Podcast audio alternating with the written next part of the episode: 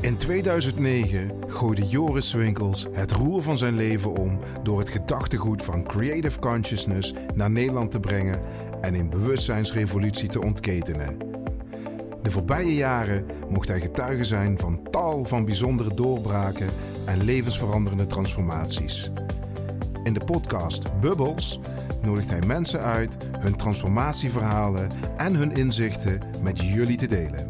Patrick Kikken, welkom in de podcast Bubbles. Leuk. Wat superleuk dat je wilde komen en we hebben zojuist de podcast opgenomen Leven zonder stress. Ja, en voor het YouTube-kanaal over non-dualiteit. Ja, Ja, daar kom je ook op. echt. Nou, ik vind het super. eh, ik vind het een eer dat je hier zit eh, als eh, de, ja, toch wel een van de eerste podcasters van Nederland. Ja, absoluut. En niet alleen dat overigens, maar nog veel meer. Hè?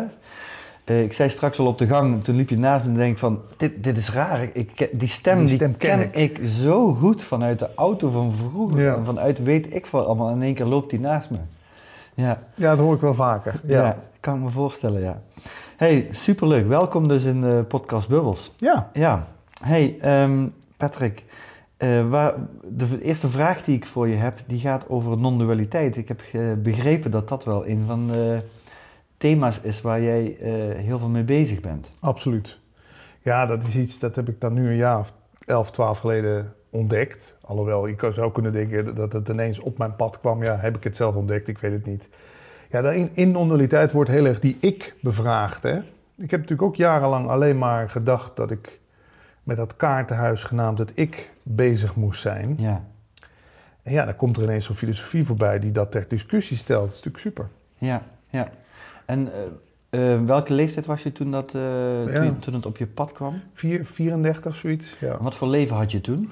ja, het leven waar je dan zogenaamd van denkt dat het iets is wat het ultieme is. Hè? Dus, dure auto, mooie blonde vrouw naast je, herkend worden op straat, dikke bankrekening, dik huis. Maar ja, er knaagde nog steeds iets. Ja. En was dat knagende ook hetgene wat je richting non-dualiteit bracht? Ja, daarvoor al de mensen die jij ook allemaal een beetje onderzocht hebt. Hè? De Deepak Chopra's van deze wereld, Eckhart Tolle, Wayne Dyer. Het was eigenlijk bij een liefdesrelatie die overging dat ik enorm veel pijn eh, ja, ervaarde. Ja. En ik denk, ja, daar moet toch een oplossing voor zijn. Mhm. En ik was niet van het drinken, want mijn vader heeft altijd heel veel gedronken. Dus dat, dat ging ik sowieso niet doen. Eh, eten, ja, dat, dat deed ik wel graag, maar dat hielp ook niet meer echt. Dan maar de spiritualiteit induiken, hè? Ja. als een soort van medicijn. Ja, ja, ja. En ja, dat was dus niet eerst non-dualiteit. Daarvoor zat nog een hele ontdekkingstocht met wat ik je net noemde, al die zelfhulpboeken en zo. Ja, ja, ja.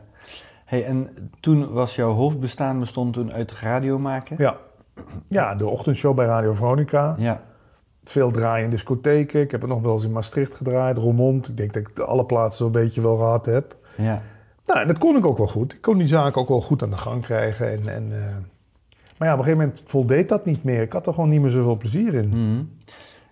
Kon je met eh, ja, de non-dualiteit, kon je daar ook terecht binnen Radioland? Ja, nee. ik heb een stukje Eckhart Tolle ooit eens kunnen uitzenden op de zender bij Veronica. Maar daar, daarom begon podcast me zo te interesseren. Ik denk, hé, hey, hier kan ik een keer de diepte in met mensen. Hier kan ik gewoon eens een keer een uur met iemand gaan praten over bewustzijn. Zoals we net met jou gedaan hebben. Of eh, iemand die... eh, ik, heb, ik heb het- ooit nog eens een diagnose ADHD gehad. Dus daar ben ik ook een podcastserie over gestart. Praten Ja. over ADHD. Ik denk, ja, dan kan ik al die experts hier naar de studio halen. Ja, En als die weten van, oh, ik kan naar Veronica toe, dan weten ze niet eens of het op de radio uitgezonden wordt of in podcast. Die vinden het al lang leuk om met jou te praten. ja, Dus ja, dat eh, heeft wel geholpen. ja, ja, ja. ja.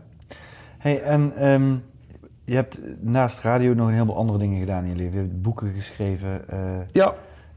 vijf boeken heb je nu. eh, ja, via de radio kwamen er drie tot stand. Ja? Bijziende Imker, het tuintje van Mustafa en eh, eh, de eerste, die blauwe, hoe heette die alweer? Eh, waar een wil is, ben ik weg.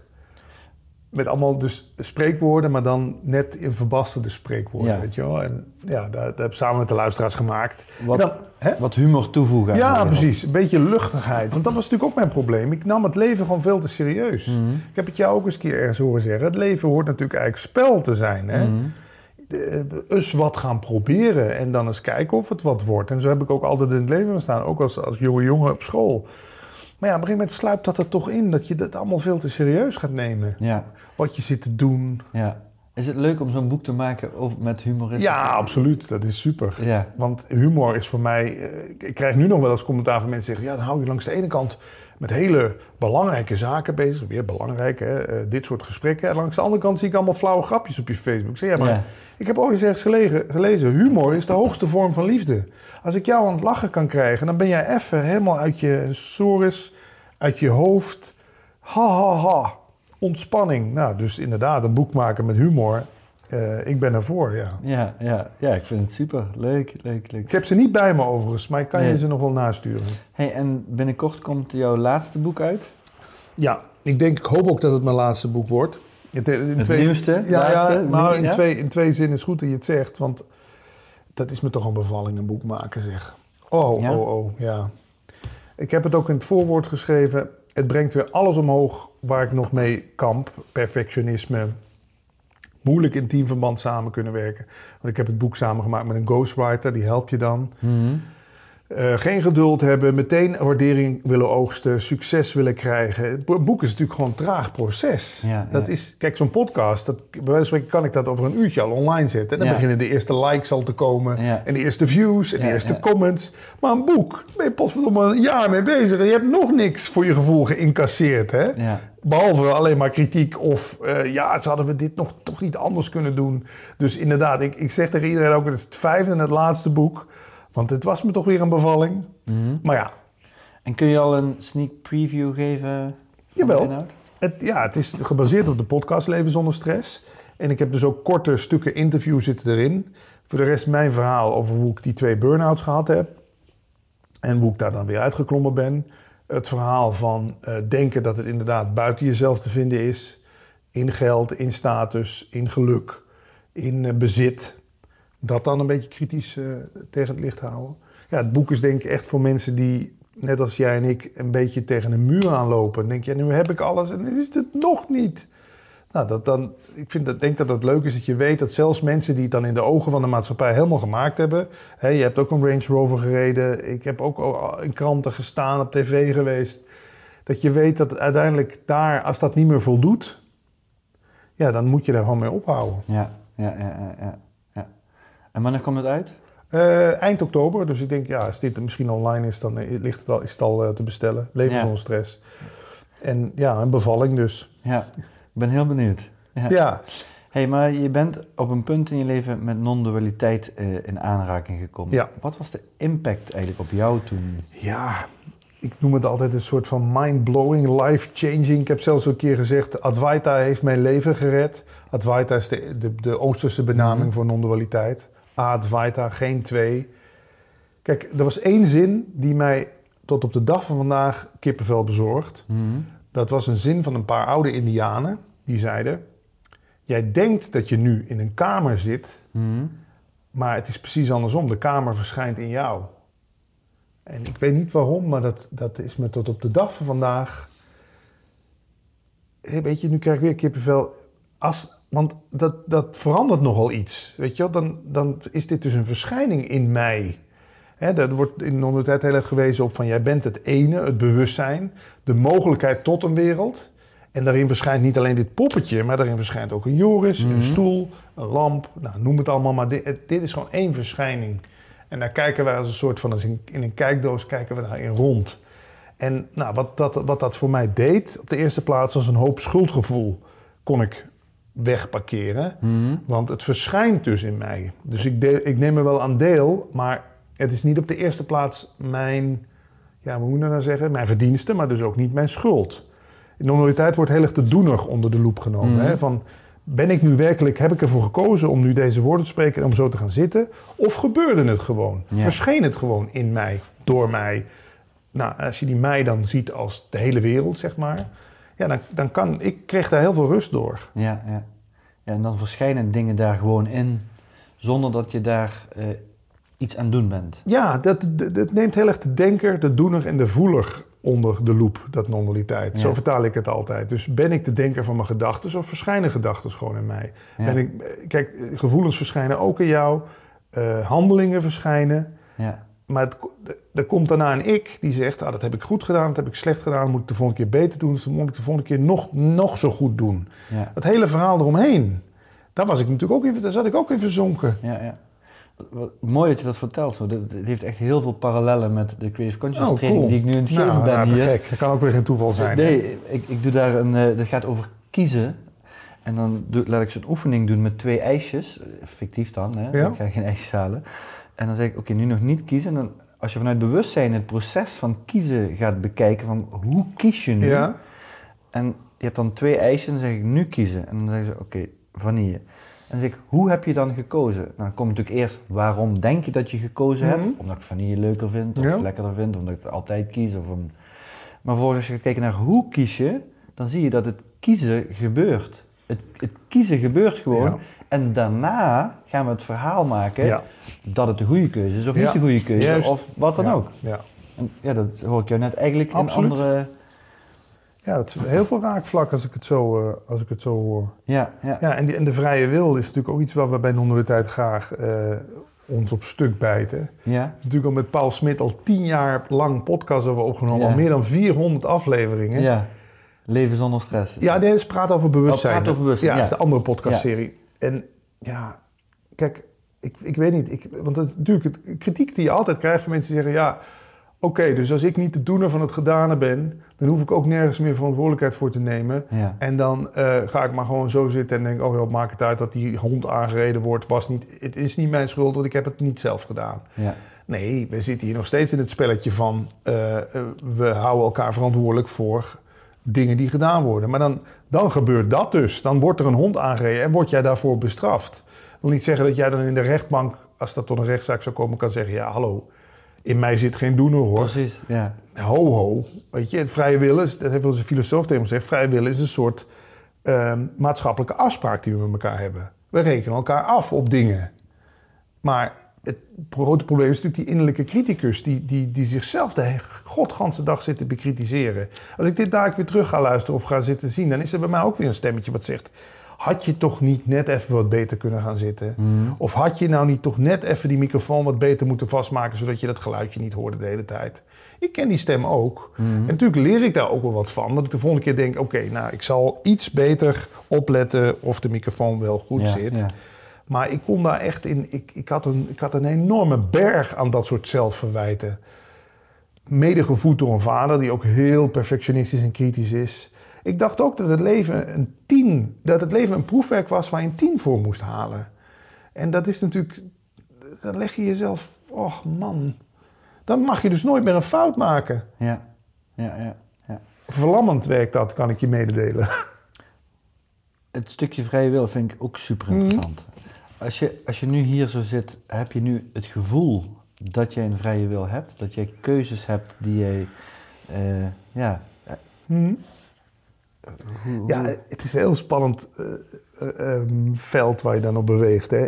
Eh, Nee, ik, ik, ik merk hoe meer ik me daaruit haal, dus hoe meer ik Patrick uit, uit het verhaal haal, hoe soepeler het wordt, hoe minder eh, eh, verwachtingen, hoe minder verwijten, hoe minder gedoe. Ik heb dat ook van dat draaien van die plaatjes geleerd. Ik kon smiddags urenlang mezelf voorbereiden op 's avonds. Ik moest gewoon zorgen dat ik er op tijd was. Dat ik, dat ik de muziek bij me had. Maar voor de rest, de avond ontstond. ja, Het publiek plus discjockey maken de avond. Ik kon wel denken, ik ga vanavond allemaal reggae-plaatjes draaien. Maar als ik dan één reggae-plaatje draai en niemand danste... dan was dat plannetje al... Hè? Dus ik merkte met dat draaien al heel erg... zodra ik mijn ik-jasje uitdeed... en het publiek ook hun ik-jasjes uitdeden... dan wordt het dit. Dan wordt het gewoon het feest. Net als nu het gewoon het gesprek wordt. Hier zitten feitelijk geen... Het lijkt alsof hier een Joris en een Patrick zitten die een gesprek voeren. Maar je zou van dat non-tijd ook gewoon kunnen zeggen... er vindt een gesprek plaats. Punt. Er wordt gesproken. Maar door wie of door wat? Is het Patrick, is het Joris die dit geïnitieerd heeft? Het ontstond. Net als die boom die ineens gewoon gaat groeien. Ja, ik vind dat gewoon een, een, een heerlijke manier om naar de wereld te kijken. En ik heb ook tegen mensen gezegd, als nu over 50 jaar blijkt... die hele non-dualiteit complete bullshit is... dat er echt bewezen is met allemaal neurowetenschappen en zo... dat jij wel echt bewust voor alles en ieder woordje wat je zegt kiest... nou, dan heb ik er toch 50 jaar lang en enorm veel plezier en lucht uitgehaald. Ja, en het gaat wel veel makkelijker natuurlijk. Hè, de, als, je, als je je over kan geven aan dat het beweegt en vanzelf Ja. gaat en dat het ontstaat, ja, dan hoef je alleen maar nog maar je energie er, ja, of misschien hoef je helemaal niks Je meer te doen. volgt. misschien. Ja. Er is een film, Donnie Darko, het is een cultfilm. Ik weet niet Ja. of je hem kent. Nee. Daarin beelden ze dit uit. Dan zie je een soort energieslurf. Die gaat voor de mensen uit. En je ziet mensen gewoon die slurf achterna lopen of zo. Weet je wel? Het is heel science fiction achterin. Maar ik dacht ook wel, ja, hier zie je het dus verbeeld wat non-dualiteit eigenlijk, waar ze naar wijzen. Dat het gewoon een beweging, het leven is een beweging. En het heeft geen eindpunt, het heeft geen startpunt, het is een beweging. En als je, ja, alles wat we vaak dan met ons hoofd doen, is die beweging, wat je ook zegt, bekritiseren, becommentariëren, eh, proberen er tegen in te gaan. Ja, is niet voor niks go with the flow. Het zijn allemaal van die clichés, maar ja, ja het heeft mij in ieder geval heel veel schuldgevoel, heel veel eh, kritiek. Het heeft me ook een leuke mens gemaakt, vind ik. Want hoe minder kritisch je op jezelf bent, hoe Mhm. minder ik jou ga verwijten Ja, natuurlijk. ja, ja. Hey, en als er nu eh, mensen kijken of luisteren die even een lastige fase in hun leven Hmm. zitten, wat zouden zij eh, met non-dualiteit kunnen doen daaraan, aan die lastige fase? Of wat zou het kunnen betekenen voor ze? Nou ja, inzien dat het feitelijk neutraal is. Alles wat er wij geven de betekenis aan. Hè? Was Mhm. dit een goed gesprek? Was dit een slecht gesprek? Ik heb een rotbaan, ik heb een shit situatie. Ik, ik, ik zeg niet dat je je gevoelens moet gaan wegparkeren en maar niet voelen. Maar stop eens inderdaad met het verhaal te geloven over dat het anders zou moeten zijn. Ik, Alexander Smit, zo'n non-dualiteitleraar die helaas niet meer leeft, en die zei er zijn eigenlijk maar twee problemen op de wereld. Of je wil iets wat er niet is, Mhm. of je wil iets niet wat er wel is. Mhm. Nou, als je het terugbrengt naar die twee dingen. Ja, kijk eens voor jezelf. Wat Is het niet het verzet tegen wat er is, wat jou op dat moment zoveel kopzorgen? Oké, je vrouw is bij je weg. Ja, oké. Het is het ego wat natuurlijk enorm gaat protesteren. Ja, dat kan toch allemaal niet. En eh, we hebben zoveel geïnvesteerd in elkaar. Ja, dat is allemaal het verhaal. Het feit is, je vrouw is bij je weg. Punt. Ja.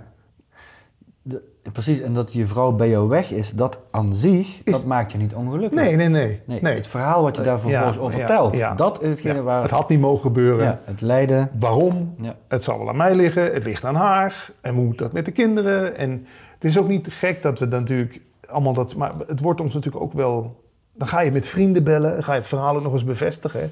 Oh, wat me nou is gebeurd. Nou, meid, vertel eens. Ja, ik weet het. Dan gewoon durven, wat, jij ook, eh, wat ik jou ook ergens heb horen zeggen. Gewoon te gaan zitten en ga maar eens voelen. Mhm. Oké, ja, verdriet. Ja. Ja, mevrouw, ik ben weer weg, verdriet. Ja. En het dan niet wegduwen, maar gewoon, ja, verdrietig. Ja. Ik kijk wel eens naar het leven alsof de emoties die we hebben in het leven, als dat, eh, net als dat een soort een, eh, een ijswinkel is met 30 soorten ijs. Smaken, ja. Ja, 30 smaken. En dat de emoties eigenlijk ook de smaken van het leven zijn. Mm. Dat zijn de, de manieren waarop we het leven kunnen ervaren. Ja. En hoe makkelijker dat we de emoties ja, vrije gang kunnen laten gaan, hoe meer dat we ze kunnen voelen, Mm. hoe, en hoeveel meer verschillende we, zo, we ook kunnen voelen, hoe meer smaken dat we eigenlijk Ja. hebben. Hoe, hoe, hoe kijk jij daar? Ja, nee, dat, geeft het leven kleur. Maar soms maken we emoties tot vijand, hè. Ik mag niks voelen. Nee, oeh. Ik heb het natuurlijk als kind ook wel aangeleerd, hè. Als je dan huilend thuis kwam, wat deed, wat deed mijn moeder? Kom, hè, we komen allebei uit Limburg. Ik heb een stukje vlaai voor je. Slagroom erop hier, kersenvlaai Ja. met slagroom. Ja. Ja, dus ik heb nog tot jarenlang, iedere keer als ik iets voelde wat me niet beviel, die koelkast open. Ja. Is er nog taart? Ja. Ja. Oh, dan nemen we maar pudding. Of, Ja. Dus het is natuurlijk ook gewoon, als mijn moeder misschien toen, ik wilde er geen verwijten maken, maar gewoon had gezegd van nou, dan ben maar eens verdrietig. Ja.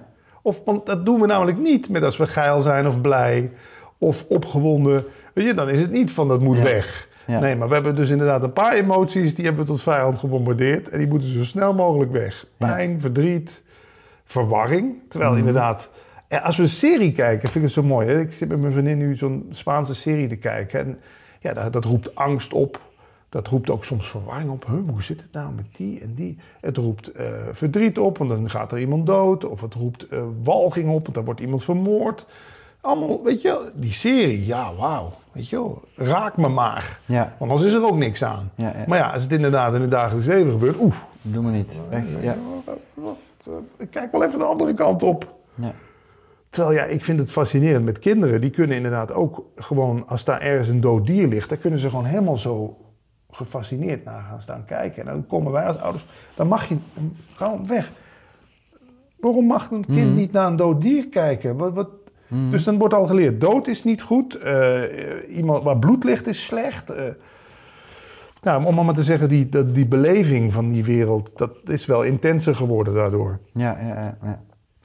Hey, toen non-dualiteit in jouw leven kwam, wat, wat kun, je, kun je nog iets herinneren van wat waren de eerste stappen die jouw leven mooier gingen maken, makkelijker maakten, eh, veranderden?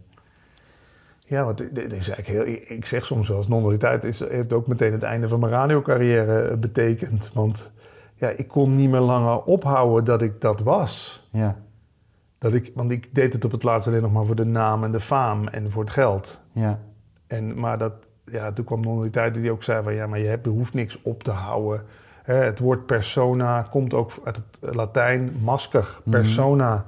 Dat werd vroeger gebruikt zodat mensen te verstaan waren in een, in een grote eh, arena. dacht ik ook, ik ben alleen maar voor die persoon aan het leven. Het imago wat ik, wat ik van mezelf gecreëerd heb, het image. Ja, dan komt non-dualiteit en dan begint dat kaartenhuis begint, begint te wankelen en in elkaar te storten. En dan, en dan krijg je je eerste burn-out. Nou, dan ga je nog snel weer je kaartenhuis proberen opnieuw te lijmen. Mhm. Ja, en eh, na een tweede burn-out, eh, de- ja, dan is het gewoon, dan zijn die kaarten inmiddels zo. ja. Dus Maar had je je eerste burn-out niet goed gedaan dan? Dat je Nee, er twee nodig had? ik ben te snel, denk ik, weer aan Ja? de slag gegaan. Ja, want Ja. Ik, ik, ik, ik was nog niet toe aan, eh, of nog niet klaar, denk ik, om het helemaal aan elkaar te laten storten. Ze zeggen wel eens zonder crisis geen ontwaken. Nou, dan eh, ontwaken in de zin niet van verlichting per se, maar wel van Mhm. het echt te gaan zien. Nee, er moest, er moest gewoon nog een keer opnieuw. Ik, ik heb me nog één keer terug in de wedstrijd gevochten. Maar toen was het na, na even denken, vijf jaar, vier jaar later was het echt einde oefening. Ja. En de wedstrijd, hoe, hoe zag die eruit? Waar je terug in Ja. vechten, die wereld, de, de Kijk, spelers. De... Eh, ik deed de ochtendshow en dan word je ziek. En dan eh, word je natuurlijk teruggezet naar... eh, nou, dan mag je een vrijdagavond twee uurtjes doen... en een nachtprogrammaatje opnemen. Want dan ga je weer... Dan word je Ja. in de pikorde zak je weer Ja? van nummer... Ja, tenminste zo... dat, want- dat is meteen. Je, wordt ziek, je bent twee Ja. maanden weg, er is een nou, vervanger. vier, eh, vier maanden, ja. Maar dan, inderdaad, zo snel gaat het in de mediawereld. Dan zak je gewoon in de hitparade van nummer 1 en nummer 40. En, eh, maar dan, en dan kwam er een kracht in mij los. Daar heb ik het dan nog vier jaar op gered. Die dacht, ik zal ze ze poep laten raken. Ik vecht mij terug naar de, naar de, zo zeggen, de top drie. En toen inderdaad lukte dat weer om, om met veel hangen en wurgen weer op die middagpositie overdag in de dagprogrammering te komen. Wat toch Ja. voor de disjockey vaak het hoogst haalbaar is. En toen zat ik daar en toen zat ik echt dat programma te doen met mijn benen op de tafel. Ja, het, het, het was meer het idee dat ik het weer kon zeggen, ik heb het maar weer voor elkaar gekregen. Ja, daar reed je het natuurlijk ook niet op. Was het ook een vorm van de behoefte aan herstel weer? Van wat ja, er ook dat. was? Ook dat. Gezichtsverlies. Ja, Ehm, het gaat mij toch niet gebeuren dat ik op mijn, want hoe oud was ik toen? Ja, dat is dus een jaartje of acht geleden. Dat ik op mijn 6, 37ste al eh, afgeschreven ben. En, eh, maar in de tussentijd zat ik hier radioprogramma te doen. En dan liep hier de muziek. En dan zat ik hier met Paul Smit tijdens het radioprogramma hierover te praten. ja? Ja, hoe duidelijker wil je het krijgen? Maar ja, er is ook nog zoiets als gezond verstand. Ik dacht natuurlijk, laat ik een buffertje opbouwen. Laat ik zorgen dat ik dat huis kan afbetalen. Dan heb ik dadelijk, vanaf mijn 40ste, 41ste... dan kan ik gewoon zeggen, nou, ik heb nu zin om met Joris te praten. Geen radioprogramma vandaag. Ja, Ik ga met Joris praten, dat wil ik ook echt. ja, Ja, en dan, dan gaat er een wereld voor je open. hè. ja, ja, ja. ja, ja. Hey, en eh, had je toen een relatie? eh? Ja, dat was die vorige relatie waar, waar die, eh, zij goede tijden zat te kijken. Ik Eckhart Tolle was aan het luisteren, Ja. die ging ook over. Ja, het hele leven stond op zijn kop. En dat, maar dat is maar goed ook. Mhm, Want er moet natuurlijk gewoon soms opgeruimd worden. Goed, niet goed schiks, dan wel kwaad schiks. mhm. Nu weet ik dat ik makkelijk lullen heb als je die reserves hebt en zo. Maar ja, ik, ik moet er toch niet aan denken dat ik dit nog had blijven doen tot mijn zestigste. Mhm. Ik was ook... Tijn Tauber, die zul je ook kennen. Mhm, Zo'n Ja, beroemde muzikant vroeger en nu een spirituele leraar. Die zei ook, soms bereik je de top van de ladder... en dan blijkt dat hij tegen de verkeerde muur staat. ja, ja. Een COVID. Ja, Ja. daar zal hij het van hebben. Ja. En toen dacht ik ook, ja, dat is het gewoon. Ik ben nu iets aan het doen om te kunnen zeggen dat ik ergens blijkbaar goed in ben of zo. Of dat ik het top bereikt heb. Maar ik wil eigenlijk liever veel... Ik, ik, ik heb soms ook het idee, als je, ergens, als je ergens heel goed in bent geworden... en je kan niet meer er beter in worden... dan, ja, dan wordt het tijd om nieuwe bossen te verkennen. Ja. Wat moet ik, wat moet ik nou... En dan zeggen mensen allemaal, ja, maar je kan dat toch zo goed. Ja, ik zeg, maar het brengt me geen voldoening meer. Precies, ja. Als je teruggaat naar die burn-outs twee, wat, wat zijn voor jou de belangrijkste dingen die je daarin geleerd hebt? Ehm, die eerste dan niet zoveel. Ja, behalve dat een huisarts toen al tegen me zei... je moet dus wat meer lucht in je leven gaan brengen. Ja. Die zei, ga eens stripboeken lezen. Ga eens tekenfilms kijken. Wat vond je vroeger leuk om te doen? Tekenfilms. Ga je tekenfilms kijken. Films van Jim Carrey gaan kijken. Ja. Super. Ja, Ja. lachen. En ongemerkt daar toch ook weer dingen van opsteken. Hè, de Truman Show van Jim Carrey is natuurlijk een hele spirituele film. ja. Daarin gaat hij op een gegeven moment ook doorkrijgen. Maar wacht eens even. Ik- hoe vind je Jim Carrey op dit moment? Ja. In de Ja, media. klopt. eh, Ja, ik kan hem wel volgen. Ik kan hem volgen. Ja, omdat ik ja, vind het ja, het is fantastisch. dat hij ervoor durft uit te komen. Hè? Ja. Ja. Ik, hij, hij deelde op een gegeven moment van... Ik heb zo vaak een nieuw masker opgezet of een nieuwe identiteit aangenomen... dat ik mijn eigen identiteit kwijt ben Kwijt ben geraakt. Ja, maar dat is het. En dan denk ik van... Oh, Dat hij dat... dat, dat je die echt Ja. kwijt kan raken. Ja. Dat is, ja. Ja. misschien bij sommige mensen gaan dan een psychose of weet ik veel wat. En sommige, dit lijkt er misschien Mhm. soms af en toe op, Mhm. op die dingen. Maar ik vind het ergens fantastisch. Ik ook, ja. Hij is ook helemaal into Eckhart Tolle. En diezelfde Jim Carrey, hè, het staat zelfs in mijn boek Leven zonder stress, staat die quote, als, als die niet eruit geëdit is. Jim Carrey zegt ook ergens, ik gun iedereen dat ze ooit wereldberoemd zijn geworden en stinkend rijk, Ja, zodat ze er daarna achter kunnen komen dat het dat niet is. dat het daar niet in ja, precies. Ja, hier weer kippenvel, Ja. dat is... Maar uiteindelijk vind ik dat wel een goede les. Want wij kunnen nu wel tegen iemand van 21 die jouw podcast zit te luisteren of deze video zit te kijken zeggen van... Je hoeft helemaal niet die Tesla, je hoeft niet die 100.000 euro. Dat gaat je geen geluk brengen. Ga het maar uitproberen. Want dat is iets dat, wat je ook... Jij hebt het ook uitgeprobeerd en je bent er ook achter gekomen. En misschien is dat ook wel de reis waar we allemaal doorheen moeten. Dat we eerst denken dat geluk iets is wat we uit die wereld kunnen halen. Om op een gegeven moment achter te komen. Oh, wacht eens even, geluk is iets wat ik meebreng hier naar het feestje. Ik, ik kom het, het, het is, als er dan al een doel is van het leven, dan is het gewoon geluk en liefde verspreiden. Niet proberen krampachtig uit die wereld Ja, te trekken. Ja, ja, ja. Tenminste, ja, dat is voor Maar mij. is het mogelijk voor de nieuwere generatie bijvoorbeeld om dan niet meer die ladders te beklimmen? Of de ladders te beklimmen met de gedachte dat het daar te halen is? Ja, ik, ik, ik merk wel dat onze podcast over non-dualiteit, daar krijgen we heel veel reacties op via WhatsApp. Er zitten ook 20, 21-jarigen tussen die zeggen, ja, bij mij is wel dat kwartje gevallen, ja, bedankt. Ik, ik kan nu een hele sprong maken. Ik hoef me niet eerst te gaan schikken in een baantje op de Zuidas in Amsterdam, waar ik doodongelukkig van word al na een week. Ja, En dan zegt iedereen tegen mij, ja, daar moet je even doorheen. Dan komen jullie voorbij die zeggen, ja, niet, niet raar dat dit je niet gelukkig maakt. Want het is gewoon jouw ding niet. Je bent het voor de naam en de faam aan het doen. Ja. Dus ja, ik heb wel het idee... En wat ik gewoon zo fijn vind, daarom heb ik ook dat boek geschreven, Leven zonder stress. Daarom lul ik hier ook zo graag over. Kijk, als je in een burn-out terechtkomt, ik weet niet, ja, je hebt er nooit echt in gezeten, hè? een beetje tegenaan nee, ja. Dan is natuurlijk de zelfbeschuldiging op, op maximaal. Mhm. Bij mij ook. Hè? Nou, hè, hè, heb je het nou voor elkaar? Ja. Zie eens wat je nou weer...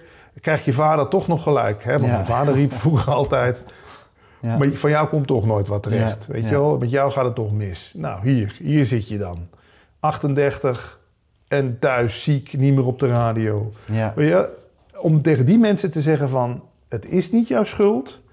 Het is maar goed dat het gebeurt. Eh, Een man die ik ooit geïnterviewd zei... eh, een burn, eh, hij noemde een burn-out niet een geschenk. Hoe zei hij het nou? Een mogelijkheid, een, een, een kans. Hij zei, het is een grote kans, een burn-out. Om eindelijk eens even schoon schip te maken. En denk nou, als mensen daar al... Als je erin zit vanuit dat... Het kan zien als een kans. Wauw, dan begint er weer iets in beweging te komen, hè? Ik zit niet met mezelf de hele tijd te slaan van... Wat ben je toch slecht en wat heb je toch weer ver laten komen? Nee, het is een kans om mezelf opnieuw uit te vinden. Ja, dat, ik heb die kans wel met beide handen aangegrepen. Hey, Je ziet volgens mij ook dat de burn-outs, dat die leeftijd steeds jonger aan Ja. het worden is. Vroeger moest je nog 45 worden misschien Ja. voor een burn-out. Nu mag je dat al met 25 Ja, hebben. En ik zeg dan, mooi, gaaf. Ja, ja, ja. Dat betekent dat je vanaf 25 dan daarna je echte leven kan gaan leven. je authentieke leven, ja. ja. ja. Ervaar je dat ook zo? Dat, Ja, nee, dat absoluut. Daarna, eh, ja, Ja, authentiek nee, leven. dan breekt er iets open en denk je van zo, nu, ik heb nu lang genoeg eh, gedaan alsof. Hè, of toneel gespeeld. Of, eh, maar wat je, waar we het in ons gesprek voor Leven zonder Stress ook over hebben gehad. Gewoon naar de normen en waarden van de maatschappij heb ik het dan maar gedaan zoals het de bedoeling was. Hè.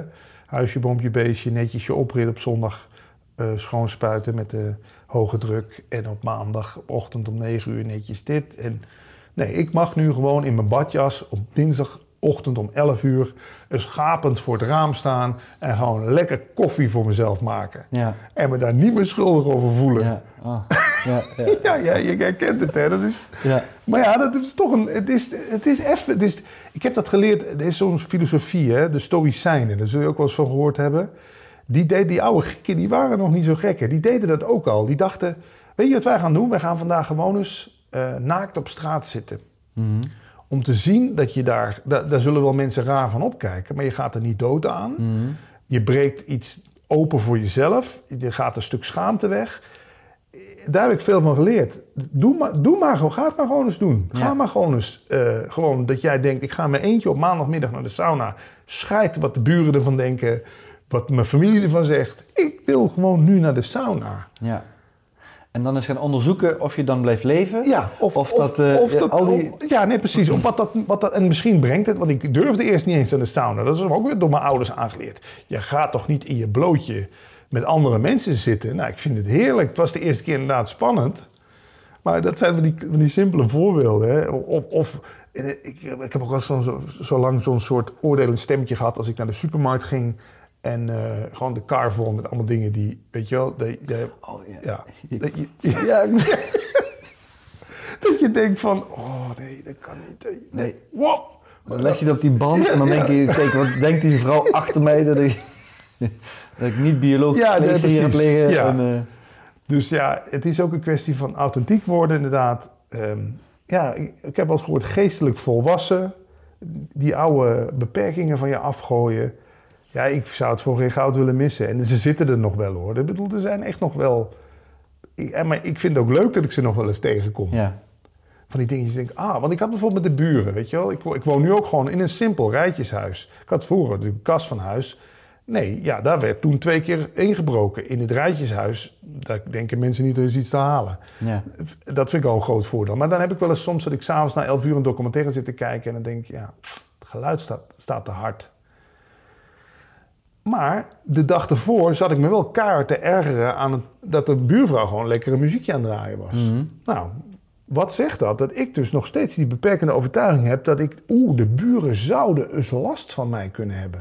Nou ja, daarom stoor ik me ook aan een vrouw die het zet. Gewoon als die een leuk nummer Ja. hoort, zet ze gewoon de radio. Ja. Dus toen dacht ik ook, nou fuck it, ik laat die documentaire gewoon aanstaan. Zo hard is dat niet en dan hoort ze het maar. Ja. En zo kom ik steeds nog wel eens wat tegen. Dat ik denk, ja, oh, dan heb je er weer een. Dus. Ja. Ja, ja. Een paar podcasts terug had ik Eva Daleman in de podcast. En die heeft een, eh, een heel ander verhaal, maar ook eh, bekend van de Belgische radio. Ja, M&M, hè? Ja. En toen ook vet in burn-out gekomen, maar daarna ook eh, ja, een soort missie van mijn eigen leven gaan Ja. leiden. En daarmee heel veel mensen inspireren. Ja. En dat, dat, doe, dat doe jij eigenlijk nu ook. Dat, Ja, ik kan niet anders. Ik, dit, dit gun je iedereen. Hè. Je hebt dat ook. Hè. Als je iets ontdekt hebt wat je zoveel vrijheid geeft en zoveel plezier en joy en vreugde en alles, noem maar op wat het leven de moeite waard maakt. Ja, dan, dan wil je dat. Ik, nu ben ik niet iemand die, denk ik, veel in zalen met lezingen of zo. Ik gebruik dan inderdaad de digitale media. ja. En ik laat ook graag andere mensen aan het woord. Want daar moet je wel voor opletten, denk ik. Je hebt natuurlijk ook bijvoorbeeld Michael Pilarczyk. Ik vind een lieve man. Ik heb hem zelf ooit een jaar of zes geleden op het idee gebracht... eh, door hem wat cd'tjes van Brian Tracy en Tony Robbins te geven. Toen dacht hij, hé, hey, dat heeft hij ook eerlijk gezegd. Dankjewel, want daarmee heb je mij dat idee gegeven om ook zoiets te gaan doen. Ja. Maar ik, het moet, vind ik, niet te veel op de persoon gespitst worden. Ik bedoel, daarom vind ik ook leuk aan jou. Jij, jij doet een stuk of vijftal podcasts. Je gaat met Jan en allemaal in gesprek. Wijsheid is natuurlijk niet van één iemand. Hè? Ik zou me heel makkelijk nu inderdaad kunnen positioneren als de, bur- de burn-out specialist van Nederland. Die het allemaal door heeft. Nee, daarom in Leven zonder stress praat ik met jou. Ik heb met een autist gesproken. Ik heb met een man van 87 over zen gesproken. Ik heb mijn dochter van 10 geïnterviewd. Ik wil iedereen een podium geven die denkt iets zinnigs over dit onderwerp te kunnen zeggen. Ja, ja. Zodat het niet weer een ego-trip wordt van... oh, nu ga ik mijn burn-out dus te gelden maken. Want Ja. dat zie je ook veel. Hè? Mensen komen in een burn-out. Nu word ik burn-out coach. ja. Ja, ik, weet het niet, de pasta voorop. Dat het niet weer de volgende ego-trip wordt. Ja, ja, precies. Dat je het gaat gebruiken weer binnen de structuur Ja. van je ego. Ja, dat je weer gaat zeggen, kijk mij eens. Ik heb van, een, ik heb van mijn shit mijn mest gemaakt. Nou, je kent alle, alle dogma's wel. Ja, ja. Wat zijn nog meer lessen die je uit je burn-outs gehaald hebt? Eh, ja, eh, eh, pas, oh, kijk ook kritisch naar de mensen met wie je omringt. Mhm. Want ik had allemaal mensen om me heen die wel... Oh ja, ik ben bevriend met Patrick Kikker. Die komt hier gewoon over de vloer, hoor. Ja, ja, hey, wat, ja, dat is een leuke gast. Ja. Mhm. ja, dan word ik een soort showpaardje voor jou. Net Mhm. zoals je natuurlijk vaak ziet... Ik heb ook zo'n relatie gehad met een vrouw... die eigenlijk alleen maar met mij leuk vond... omdat ze met mij naar een filmpremière kon gaan. En dan op de rode loper en dan op de foto gezet. Nou, is dat de basis voor een goede liefdesrelatie? Dus ik heb heel kritisch gekeken naar mijn, naar mijn omgeving. En ik nam sowieso al niet zo vaak de telefoon aan. Maar ik heb nu gewoon ook de afspraak met mensen. Ik bel nooit. Mhm. Dat doe ik niet. Mhm. ik, want ik vind bellen, ik, me- ook mensen die jou opbellen, dat is best wel... Zo, nu ben je van mij. Ja, precies. Ja, ja, ja, ja. Dat heb ik gewoon duidelijk gezegd. Gewoon grenzen stellen, dat heb ik wel, dat heb ik, want ik liet natuurlijk ook veel te veel, ook vanuit thuis gezien. Daar liet, ik- ging ik maar overal mee akkoord. Dacht ik, oh ja, dat zal dan wel de bedoeling zijn nu. Mhm. Dus grenzen, ik, heb van Robert Jensen geleerd. Ik bedoel, Robert Jensen zullen veel mensen op tegen zijn, maar die heeft toch een paar wijze dingen gezegd in het verleden. Die zei ook altijd, het gaat er in het leven niet om waar je, eh, waar je ja op zegt, het gaat erom in het leven waar je nee op zegt. Waar, waar zeg je, eh, waar durf je nou eens echt afscheid van te nemen, nee op te zeggen, mee te stoppen, met te kappen. En het kunnen ook familieleden zijn, ja. Ik heb, niet, ik heb het dan nu zelf niet aan de hand. Dat ik, maar ik weet wel, mijn broer, ja, die, is van het- de categorie, hey, hoe is het? Maar je weet, als je het terugstuurt goed, dan heeft hij je te pakken. Ja, nu ik je toch spreek, ja. kun jij voor mij... Dus als hij stuurt, hey, hoe is het? Stuur ik altijd standaard terug, daar trap ik niet meer in.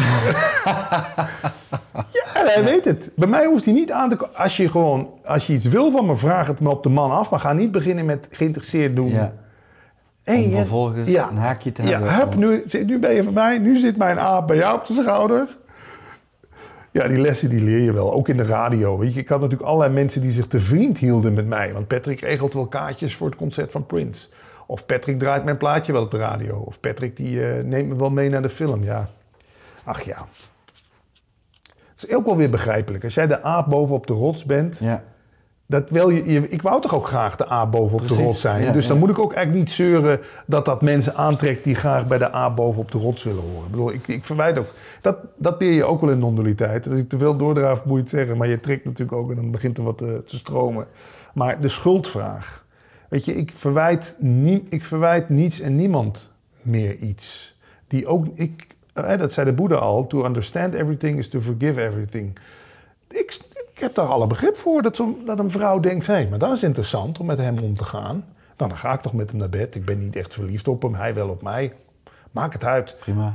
Hij eh, betaalt mijn boodschappen. Ik, ben, eh, ik had één vrouw leren kennen, was ik al na drie weken. Daarna waren we naar de Dominicaanse Republiek op mijn kosten. Kan ik wel zeggen. Ik heb het toch zelf wel. Ik bedoel, Precies, ja. eh, eh, Oké, er mag er dan geen doener zijn, maar ik ging er toch ook in mee. Ik bedoel, dat was gewoon de beweging. En als je het hebt over seksuele selectie, het was ook een bloedmooi wijf, om het maar zo plat te zeggen. Dus alles in mij zei, dan gaan we toch naar de Dominicaanse Republiek. Je kan je voortplanten met die vrouw. Gaan! Wel, dus ja, ik, ik ben ook wel dat ik dan denk, ja, dat heeft geen zin om te gaan wijzen. Jij had Precies. toen... Je ja, was er zelf ook bij. ja, tuurlijk. Ja, ja, ja. ja. Hey, eh, in, in eh, de vorige podcast had ik het over van binnen naar buiten leven. Ja. Leef jij van binnen naar buiten? Nou, inmiddels wel, hoop ik. Denk Ja. ik ook wel, ja. ja. Ik, ik pas me nog wel eens... Ja, pas ik, me, pas ik me nog veel aan? Want daar gaat het toch ook om, hè? Ja? Ehm, nou, ik kan niet zeggen dat ik 100% dat altijd, maar op de belangrijkste zaken, zoals werk, geld, liefde, eh noem maar even de belangrijkste zaken, of hoe ik met mijn dochter omga, dat vul ik allemaal wel op mijn manier in. Ik bedoel, wat ik al dat straks je zei, ik zie haar één weekend in, in, de ma in, in de maand. Sterker nog, dat heb ik al eerder in een podcast verteld. Mijn dochter heeft tot haar negende niet geweten dat ik haar vader was. Ik was ome Patrick in haar leven. Dat hebben we ooit acht jaar geleden zo afgesproken, omdat haar moeder ook al vrij snel een nieuwe relatie kreeg. Hij is die vaderrol op zich gaan nemen. Ik had daar niet de mentale ruimte voor. Ik zat in een burn-out. Ik was eh, met die radio nog veel te druk. Ik kon geen goede vader voor haar zijn. Ik, ben, ik sta daar nog steeds wel achter. En dat is natuurlijk maatschappelijk gezien zijn als mensen zeggen, wat is dat raar? En dus toen hebben je het er wel verteld. En hoe ga je daar nu met haar om? En je ziet er nu één weekend in de maand. En nee, dat is, dat is wel de manier wat, waarvan, die ook goed voelde of zo. En natuurlijk leven we gelukkig niet 50 jaar geleden dat er nog met schande over gesproken werd. Hè? Ja, ja. Maar dat is zo'n voorbeeld van, ja, ik denk de belangrijkste zaken. Dus liefde, eh, mijn dochter, eh, geld, ja, wat ik opnoemde. Daar, daar, daar laat ik me niet dingen opleggen. ja. En wat, wat betekent voor jou liefde en dan van binnen naar buiten leven? Eh, ja, dat is een goeie. Nou, van de ander niet te veel verwachten. Niet dat die ander claimen als bezit. Inzien dat, dat ook al gaat iemand bij weg, dat, ja, dat is toch... Waarom zou je dan niet meer van iemand kunnen houden? Dat liefde geen ruilmiddel is. Dat het niet net als geld is. Ik geef jou vijftientjes, dan verwacht ik van jou minimaal vijftientjes Ja. terug. Het liefst nog zestientjes. Ja, en de, ik, ik ben ook wel een voorstander van waar we net op kwamen. Dat het mooi zou zijn als je die liefde met meerdere mensen zou kunnen delen. En dan hoeft dat echt nog niet eens in sensuele of seksuele vorm. Maar daarom heb ik ook best wel veel vriendinnen en vrienden. Weet je, het- het- want ja, alles in één partner kunnen vinden, dat, dat, dat is een utopie. Mijn vriendin is ook, eh, moet ik even vertellen, tien jaar jonger. Tien, ja. Ze is 35? Ze is van 85. Nee, ze is 34 pas. Dus nou, ik leer dingen van haar, zij leert dingen van mij. Maar ik ga ook graag om met vrouwen of, of mannen van boven de 50. Want daar, pik, daar kan ik weer dingen van oppikken. Ja, ja. Maar je hebt geen open relatie. Nee. Heb je dat wel eens ooit gehad? Nee, ook niet. hè. We hebben er wel Je zo gaat wel over interesse naartoe. Nou, of of, of ja, gewoon is het heb- inspiratie? of, Nou, eh, omdat ik merk dat die jonge generatie er zoveel vrijer en open in staat. ja. Dan denk ik wel van ja, als ik een kort voorbeeld mag vertellen. Er was dus zo'n tv-programma op tv, eh, Kijken in de Ziel. Prachtige documentaire reeks. Daarin werden psychiaters geïnterviewd. Er was er één psychiater, daar werd er gevraagd... gebeurt het nooit dat een cliënt eh, zo'n verbinding met u voelt... dat ze verliefd wordt op u? Of andersom? Ik dacht, ja, dat is wel eens gebeurd. We hebben, ik heb wel eens een cliënt gehad die verliefd op mij werd. En ik werd ook verliefd op haar. Mhm. En toen, ja, toen zijn we mijn vrouw gaan vertellen. Mhm. En hoe reageerde uw vrouw? Ik zeg, nou, mijn vrouw zat daarbij, we hebben het verteld. Mijn vrouw stond op, gaf die vrouw een kus en zei... iedereen die van mijn man houdt, daar hou ik ook van. Wauw. Ja, dacht ik, als dat toch zou kunnen... Hè? Ja. Als het niet gaat om... jij zit aan mijn man. Nee, liefde. En, en hoe zich dat dan verder gaat ontwikkelen... en of, dat, of, dat, of daar wel of niet iets mee gebeurt... maar het idee alleen al, dat jullie zo'n verbinding voelen... En sta je dan ook daar in eh, dat thema zo in nu in jouw relatie? Ja, ik, ik, en hier naar mijn vriendin toe wel. Want ik zeg soms wel eens tegen haar. Ik hoop dat ze het niet erg vindt als ze dit hoort dat ik dat zeg. Maar wij kijken dan een serie over een vrouwengevangenis. Vis-à-vis heet die eh, serie, Spaanse serie. Ik denk dat mijn vriendin stiekem ook wel op vrouwen valt. Zo'n vermoeden Oh, dat heb wil ik. ook altijd denken. Nou, nee, oké, ja, maar ik ben hoeft, ik hoef Ja. er niet bij te zijn. Ja. Maar ik denk dan soms dat hoe zou het zijn als mijn vriendin er nu nog een vriendin bij zou krijgen? Hoe zou ik denk dat ik ik denk dat ik het alleen maar fantastisch zou vinden voor haar. En dan hoef ik er niet eens bij te zijn. En, en zal het jaloezie opleveren? Soms zal het voorkomen dat ik met haar wil afspreken, maar dat ze dan met haar vriendin samen is. Dat ik denk, ja, jammer. Ja, maar dan maakt het het wel des te specialer dat ik jou de dag daarna weer zie. Ja, ja. Ik zou er wel eens, ik, misschien moet ik het toch eens gaan aankaarten met haar. Want Hoop je nu dat ze luistert? Of ja, dat nee, ze- de kans dat ze de- dit... de De, kans- ja, het maakt ook niet zoveel nee. uit. Want het gebeurt nu op dit moment niet. En ik Ja. vind wel, in, in een liefdesrelatie moet alles bespreken. Dat zegt zij wel altijd tegen mij. Zegt ze, ik zou het niet eens zo erg vinden als jij vreemd zou gaan. Maar dat je het me niet vertelt. Dat Mhm. Ja. je het niet deelt met je. Dat, dat, dat jij een soort geheim leven naast ons leven hebt. En ja, daar hebben we dan ook wel eens discussie over. Dan zeg ik ook wel eens, ja, maar moet je dan nou per se alles delen? Ik bedoel, ik vind het bijvoorbeeld misschien wel leuk om, noem eens wat geks. Ehm, ja, ik ben met, qua eten ben ik ook een hele rare. Ik gooi wel eens dingen bij elkaar en dan denk ik, ja, dat wil ik gewoon eens proberen of dat überhaupt smaakt. Ja. En soms schaam ik me daar kapot voor. Dan vind ik nog een varkenshaasje in de vriezer die al twee jaar in de vriezer ligt. Ik weet dat mijn vriendin zou zeggen, weg met dat ding, dat kan echt niet meer. Ja. Ik denk, dat gaan we eens proberen. Ik snij hem eens in kleine stukjes en ik doe hem eens door de rijst. En soms, ja, dan levert dat wel eens... Dus dan denk ik, dat is een klein geheim stukje van mijn leven. Dus ik ben, ik ben het niet helemaal met haar eens dat je 100% alles met elkaar moet delen. Maar op gebied van relaties en seks en ja, dan... ja, ik weet niet hoe jij daar tegenover staat. Ja, kijk, ik, ik denk dat als, eh, als je niet alles deelt, dan geef je anders, de ander niet de keuze eigenlijk. oh, om- En, ja. en daar, daar, Ja. vind ik, daar zit, zit voor mij het ding Ja, in. ja, ja, ja. Als ik het niet deel omdat ik bang ben dat ze dan weg zou gaan, ja. maar ze komt er dan achter, Ja. dan heb ik die hele tijd Absoluut. haar die keuze onthouden. Ja, ja, ja. En, en ja, dat Ben ik met je eens. Ik ben ooit eh, vreemd gegaan op mijn achttiende en een half jaar en dat niet verteld. Nou, ik vond het verschrikkelijk. Ja. Ik, ik, ik had het gevoel dat elk ding wat ik tegen haar zei een leugen was. Ja. En ja, dus ik, ik, ik ben voor transparant, transparant. eh, geen Ja. paswoords op je telefoon en alles open. eh, ja. Dat stiekemen. Maar dat is ook iets heel puberaals, hè, dat stiekemen. Dat kun je ook nog tot, tot- Ik heb soms het idee dat als je het over geestelijke volwassenheid hebt, dat dat nog zat. Ik kijk, als ik meer naar mijn broer kijk, ja. Ik zie bij hem weinig verschil in zijn gedrag van hoe hij zich nu gedraagt van toen, toen hij 17 was. Hij is nog steeds, weet je. En dan niet, geen waardeoordeel, maar dan denk ik soms wel, als je een jongen. Gaat je dat nou gelukkig maken? Nog steeds dan dat, dat puberale en dat. dat Denk je dat mensen die een bepaald gedrag hebben, dat die een keuze hebben om het anders te doen? Ja, nou, dan kom je... Kom even terug op een nee, dat, nee, dat is waar. Ja. Nee, ja, dat- vanuit, vanuit het geheel gezien speelt zich dat dan af. Ja. En dat ik me daar dan weer vragen over stel, speelt zich ook gewoon af. Je kan natuurlijk alles terugbrengen naar een nulpunt. Dat het, dat het allemaal maar gewoon een verschijning is. En een- Nou, eh, dat eigenlijk het thema wat je nu aansnijdt, dat, dat is ook iets denk ik wat tussen ouders en, en kinderen heel vaak Mhm. speelt. Hè? Van, ja, eh, hoe hadden je ouders je moeten opvoeden? ja. Hoe, hoe moeten zij zich gedragen? Daar hebben we zoveel ideeën bij. Ja. Ze kunnen, je, kunt, je kunt zoveel fout doen daarin. Je doet het ook altijd fout, denk ik. Absoluut. Maar ja, kun je dat je ouders kwalijk nemen? Ik heb het lang gedaan. Wat mij geholpen heeft, is om eens met mijn oma te gaan praten. Hoe is mijn vader opgevoed? Ja. Net na de oorlog. Mhm. Eh, ik ben erachter gekomen, mijn opa en oma die hadden een vrij liefdeloos huwelijk. Mhm. Mijn opa was eigenlijk verliefd op een andere vrouw. Maar daar kwam rood haar voor in de familie. En dat was blijkbaar in een katholiek nest in de jaren 40 eh, not done. Want dan kon je een kind krijgen met rood haar. Vraag me niet waarom, maar dat was Ja. taboe. Ja. Ja. Dus mijn opa is met mijn oma getrouwd. Een soort verstandshuwelijk. Omdat ze geen rood haar had. Omdat Ja. er geen rood haar in de familie voorkwam. Nou Dus, ja, eh, en dan ben jij dan de afstammeling. dat ben ik. En nou, Ja. hier zit, ik heb nog een beetje haar over.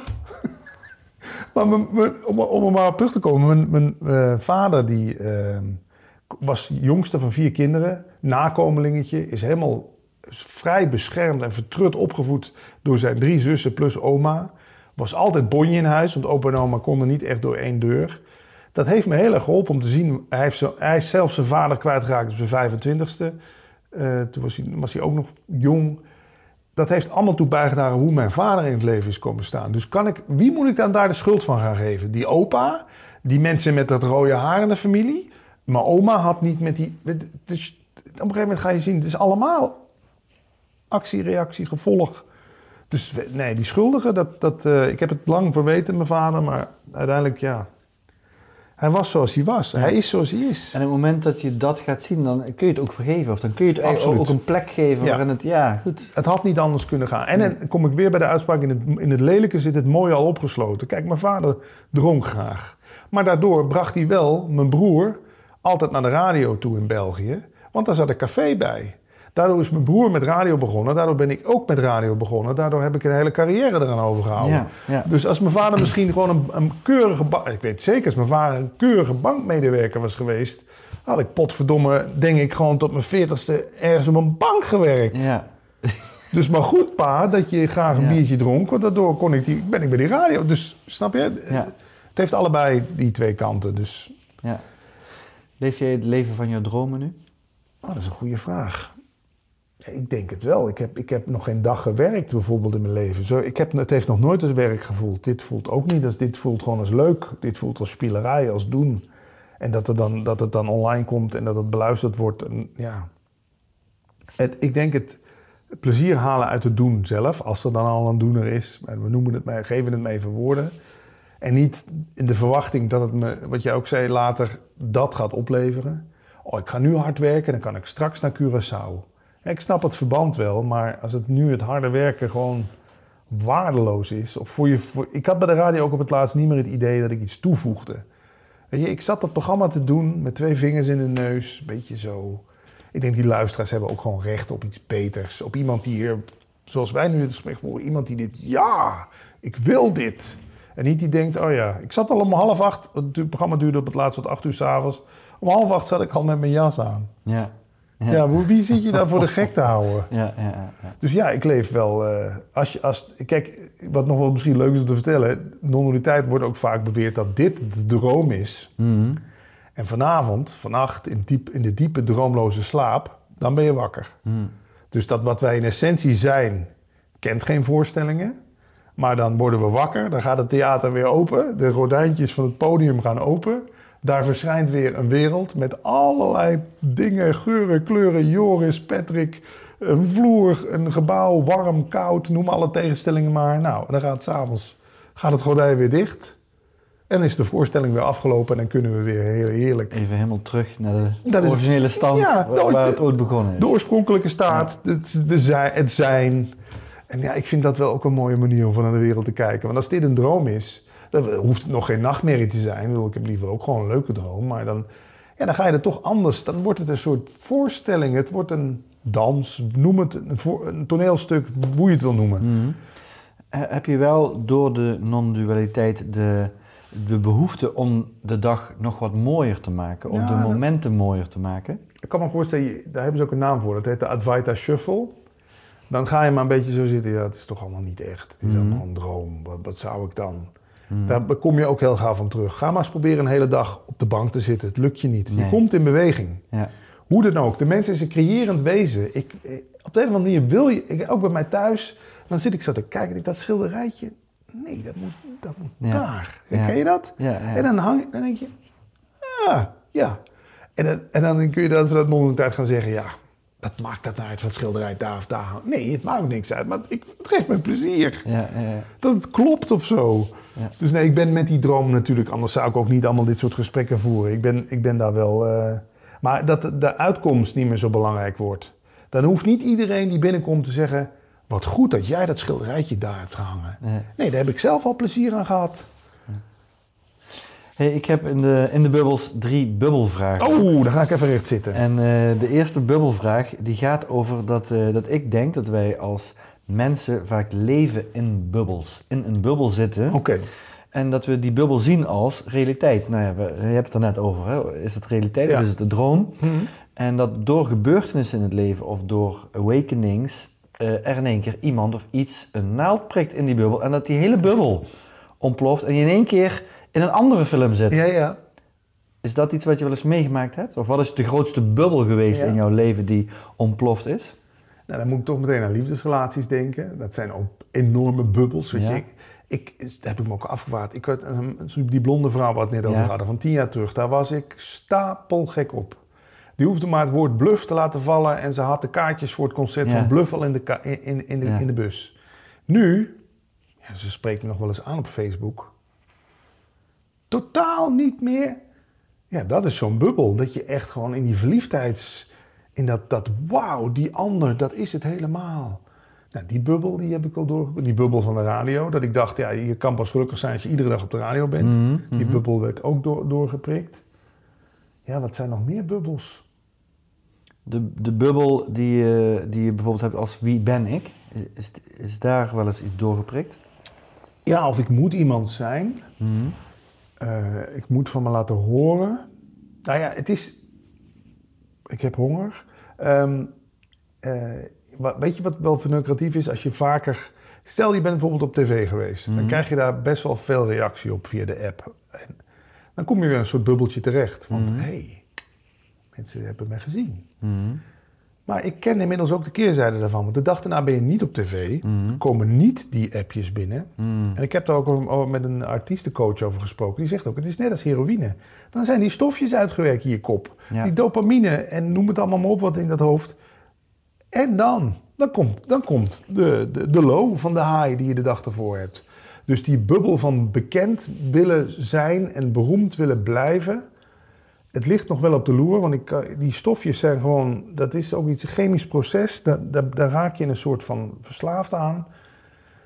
Die bubbel die wordt natuurlijk iedere dag doorgeprikt. Want dan sta je in de krant en de dag daarna niet. Dus Mhm. dan is het één dag, ah, de andere dag, poef. Nu ben je weer niemand. Dus dat van iemand naar niemand gaan, ja, die bubbels, die ken ik wel. Hmm. Maar dat wil nog niet zeggen dat het niet soms... Ik vind het ook een leuk spelletje. Want dan hoef ik maar een mailtje te sturen aan een nieuwe revue. Ik zeg, hé, hey, onze podcast bestaat tien jaar. Zou u daar aandacht aan willen besteden? Nou, bam, zes pagina's interview. Ja. Het is toch, het is toch iets dat je denkt, nou, ik heb hier toch iets bereikt. Alleen moet ik niet gaan denken, dat, dat had ik vroeger dan wel. Denk, ja, nu moet ik volgende maand zes pagina's in de panorama staan. En Ja. de nee, het moet, aan zich is het leuk en dat heeft zijn effect gehad. Ik zag de podcast omhoog gaan. Dat was het doel. Het gaat niet om jou. Het gaat niet om Patrick Kikken moet weer zo nodig in de krant. Nee, ik gebruik nu Patrick Kikken, een soort merknaam, om, hè, want daar hebben we, als jij denkt, oh, wel, die naam ken ik, leuk, dat spreekt mij af. Ik, ik gebruik het als een soort visitekaartje om dingen voor elkaar te krijgen. Maar dan niet meer te veel van, ah, Ja. heb ik weer goed gedaan, hè? Ja, ja, ja. De ik is natuurlijk de grootste bubbel van allemaal. Ja, precies. Nee, ja, daar- daar wil je naartoe, hè? ja, Ja, ja, ja. die ik, ja, daar voegen we natuurlijk van alles aan toe. Post-it memo's, ik ben dit, ik ben dat. Nee, laat die ik inderdaad maar gewoon. Dat, is het mooiste. Als die ik, als ik daar een keer naar buiten ga, is de bubbel Patrick de geïnterviewde. Ja, Ja, die prikken we natuurlijk ook gewoon door. En dat Ja. interview is afgelopen, dus dan is het pff, weg. ja, ja. Dan ben ik weer Patrick de autobestuurder. En straks ben ik weer Patrick die met zijn vriendin naar de IKEA gaat. En dan is, ben ik sta ik aan de kassa. Maar het is inderdaad, als je zo'n bubbel in stand wil houden. Ja, ja. Hey, de tweede bubbelvraag Oh. die gaat over eh, bubbly energy, over het eh, ener- je energiek voelen. Ja. En ik merk dat een, eh, een bepaald onderwerp, als we daarover praten, dan in één keer voel ik van, wow, Ja. daar gaat iets aan. Aan, ja. Energie. Dus non-dualiteit is zeker Absoluut. iets waar jij bubbly energy van krijgt. Zijn er nog andere dingen waar je echt van aangaat? Nou, het internet. Ik was er vrij vroeg bij in de jaren 90. Ik had kikker.com, zo'n site met grappige filmpjes en zo. Daar heb ik ook heel veel plezier aan beleefd. Dat, ja, daar ga ik ook wel op aan. Als ik zie wat, dat je tegenwoordig gewoon... Ik heb vanuit thuis drie computers lopen... Ja, waar gewoon eh, gestreamd wordt. Non-dualiteit TV, Advaita TV, de Engelse... en Spreekbuis TV met interviews met mediamensen. Je begint tegenwoordig vanuit thuis gewoon je eigen tv- of radiozender. Ja. Nou, dat, dat vind ik nog steeds zoiets machtigs mooi. Dat ik denk, we hebben die media niet meer nodig. We hebben niet meer John de Mol nodig die zegt... ja, is goed, ga maar Joris interviewen of Ja. niet. Maar hou het wel kort en eh, vraag hem vooral naar zijn seksleven... want dat scoort goed. ja, Weet je wel? Nee, gewoon die, die, die, de, de onafhankelijkheid van nu, en dat vind ik zo cool in die vloggers ook. Je begint iets, Ja. oké, het wordt een succes of niet, maar je hebt het wel helemaal zelf in de wereld kunnen zetten. ja. Dus het internet is voor mij ook, ja, dat, dat we dat hebben, dat, dat biedt zoveel mogelijkheden. Dat, Daar ga je ook helemaal van daar ga ik ook op aan. Ja, En ik kijk veel documentaires, dat is mijn, denk ik mijn laatste bubbel, die, eh, over, als je het hebt over wat mij vervult. ja, ja, ja. ja. Dan de derde bubbelvraag, die is over eh, het proosten met bubbels. Van dat doe je als je iets te vieren hebt. Ja, waar, champagne. waar ben jij heel trots op? Wauw. Nou, ik denk dat we vanmiddag nu hier... Ik ben trots op deze twee gesprekken die we gevoerd hebben. Ja, En ehm, alhoewel er dus vanuit normaliteit gezien had het niet anders kunnen gaan dan... ja, feitelijk zijn Joris en Patrick nu gewoon uit de weg gegaan en werd het daarom een leuke bijeenkomst. ja. Als ik hier echt als Patrick Kikker was gaan zitten en jij was hier echt als Joris Swinkels, dan moest ik ook even laten weten wat ik allemaal eh, hè, bereikt heb. En, maar als ik trots, dan ben ik toch trots op dat dat, dat dat leven zonder stress zo goed gaat. Dat dat de juiste mensen bereikt. Dat het boek er nu komt. En eh, ja, dat zo'n beetje. ja. Patrick, mag ik jou hartelijk bedanken voor deze wederom Ja, leuke leuk. podcast. Leuk, leuk. En eh, bedankt dat ik de gast mocht zijn. En Ja. leuk dat je ook zo'n dat je ook zo'n voorvechter van het fenomeen podcasten bent. Want Ja, daarmee breng je echt iets moois in de wereld. ja, super. Dank je. Graag gedaan. Ben jij ook toe aan een bruisender leven of een bubbelende business en denk dat Joris daarin kan helpen? Bezoek dan onze website. Neem contact op via www.bubbles.cc. Tot de volgende bubbels.